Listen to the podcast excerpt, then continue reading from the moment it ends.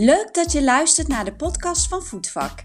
Ben jij een pedicure, voetverzorger of professional in de voetenbranche? Of heb je op een andere wijze affiniteit met voeten? Dan ben je hier precies op de juiste plek. Ik ben Sarah den Boer. Als hoofdredacteur van Voetvak kom ik vaak in contact met mensen of onderwerpen die extra aandacht verdienen. En daar kan jij hiervan meegenieten.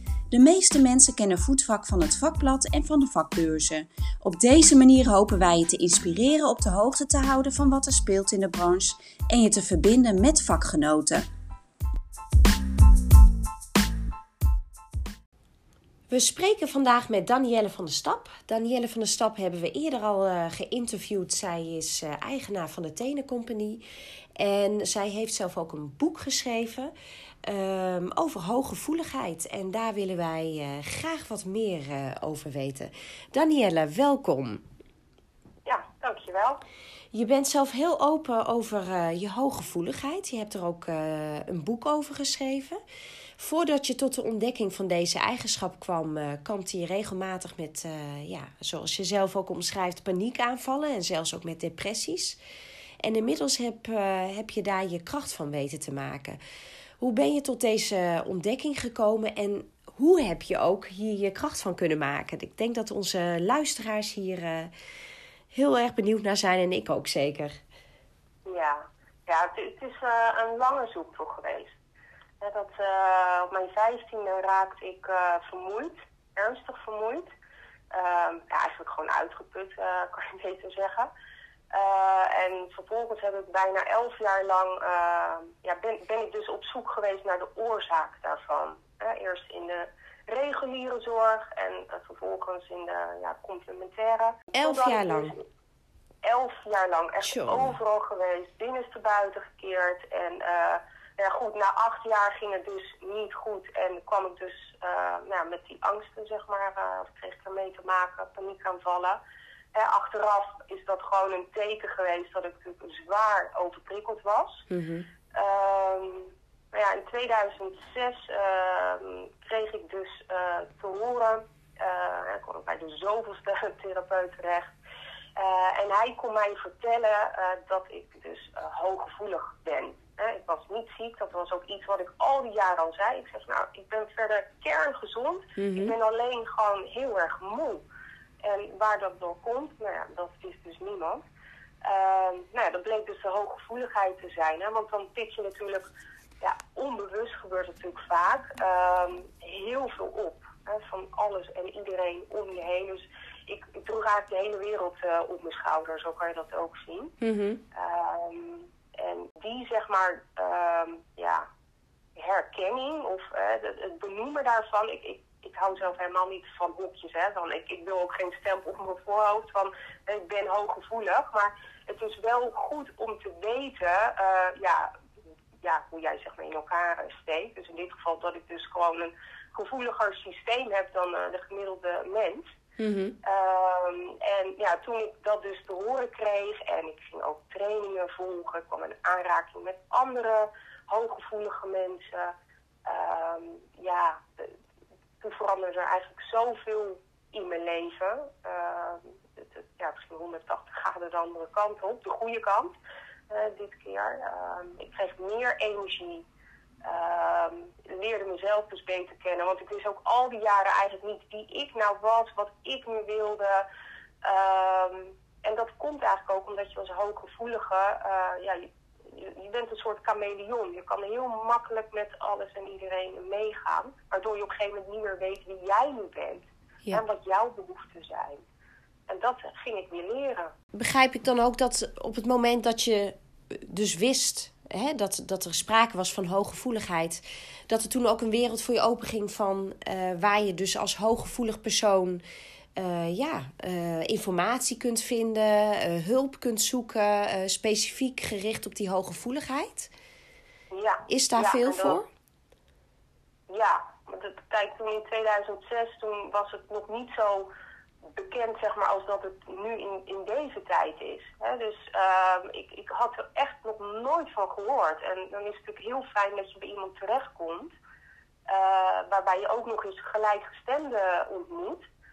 uh, ja, dat was echt een soort van thuiskomen. Ja. Dus ik vergelijk het ook wel eens met het sprookje van het lelijke eendje. Die zich altijd anders voelde. Ja, en ja, ineens ja. een familie vond. Nou ja, zo voelde dat ook voor mij. Ja, we spraken elkaar net ook even uh, persoonlijk. En toen gaf je ook aan dat je merkt dat veel mensen in, uh, in, uh, in de voedzorg deze karaktereigenschappen ook herkennen.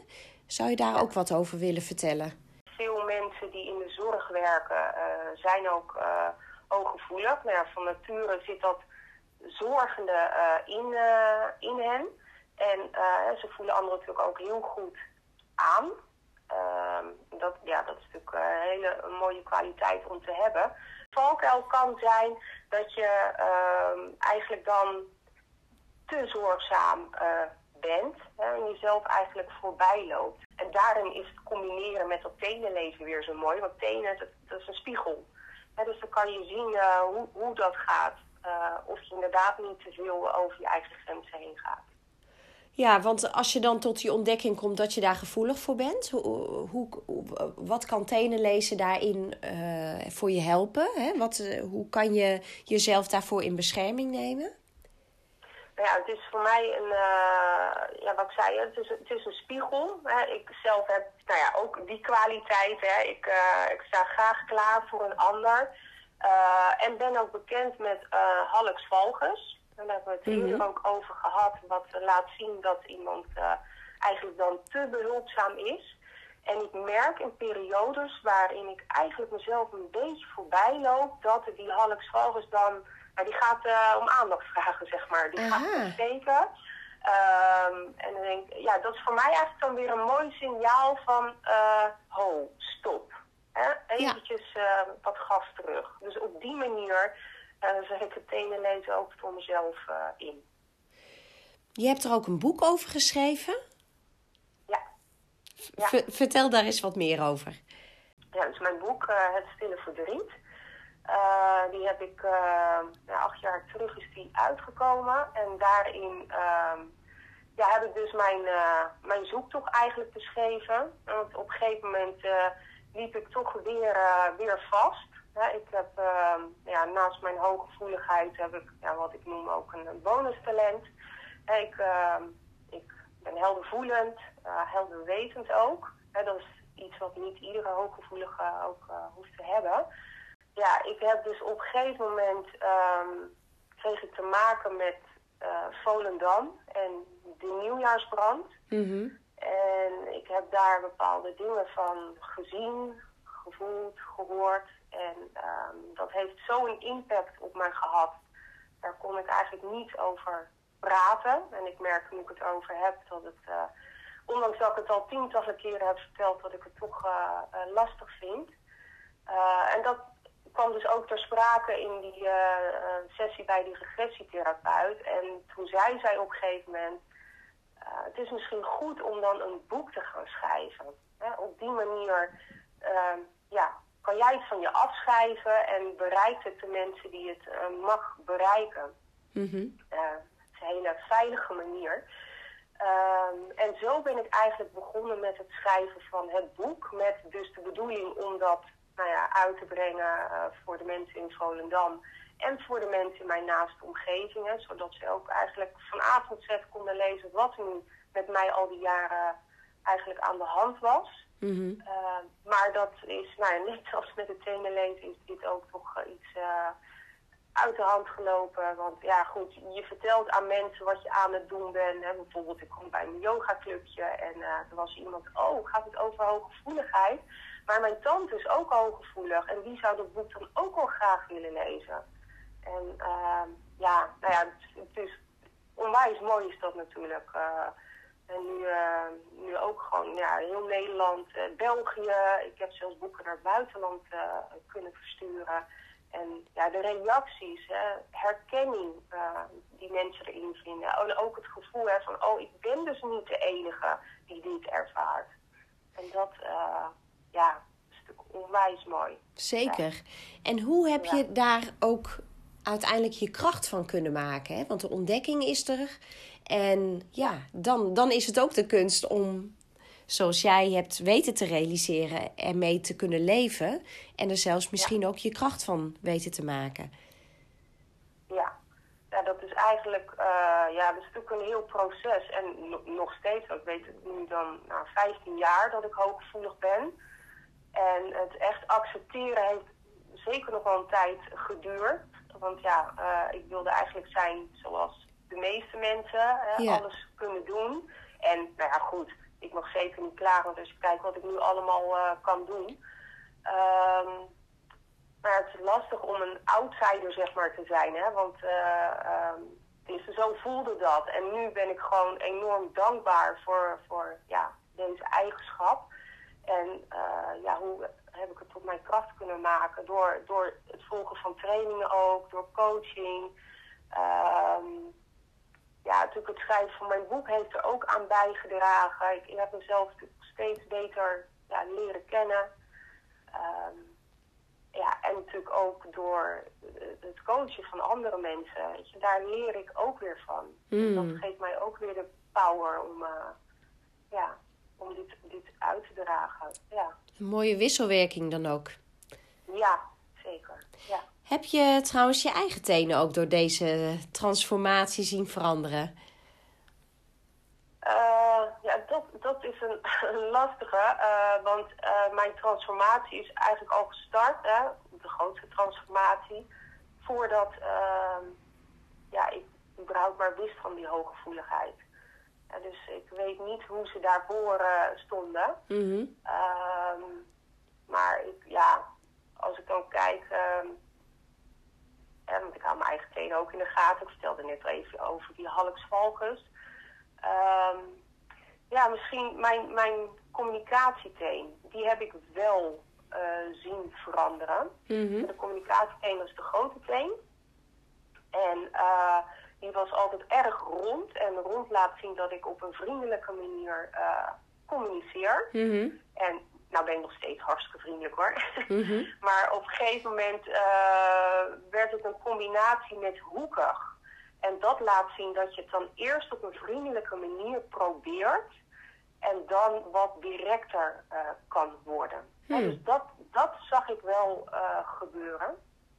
Hij is nu weer wat meer richting het rond. Maar ja, dat vond ik wel een opvallende. Hmm. Dat, uh, en dat was ook in de tijd dat mijn boek uit, uh, uitkwam. Want die heb ik eigenlijk heel bewust heb ik die zelf uitgebracht. Mm -hmm. uh, dus ik kreeg ook te maken met, met grote partijen, zoals bijvoorbeeld de boekwinkels. maar ook met, met media. Um, dus ja, ik, ja, om niet over me heen te laten lopen, moest ik natuurlijk voor mezelf opkomen. Ja, dan komt er veel op je af. Ja, en dat zag je terug in die tenen. Ja, dat kan ik me voorstellen. Hoe kunnen mensen die geïnteresseerd zijn in je boek uh, het boek vinden, het boek bestellen? Ja, dat, uh, die kan je terugvinden op uh, de site van mijn praktijk. Dat is praktijk uh,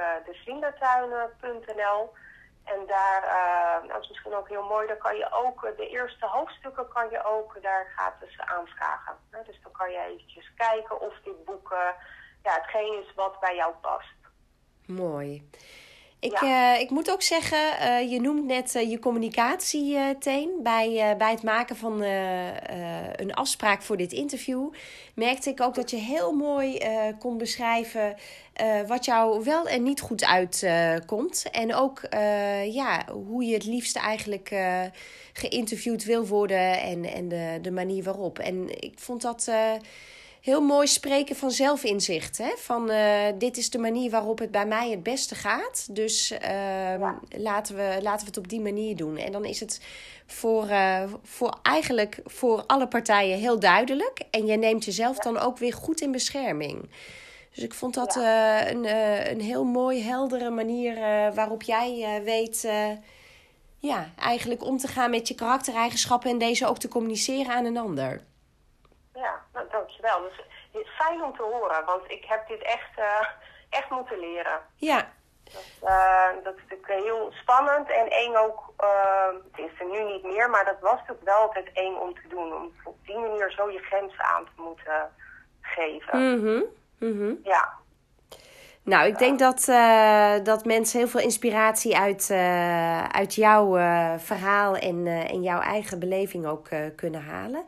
En anders kunnen ze zeker ook meer informatie via jouw boek verkrijgen. Danielle, ik wil je heel graag bedanken voor dit gesprek. En ik wens je nog een hele mooie dag toe. Dankjewel, jij ook.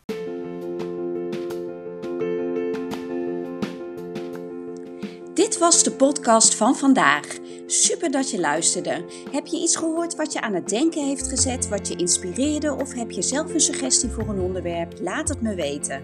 Als je meer wilt weten over voetvak, kijk dan eens op onze site voetvak.nl.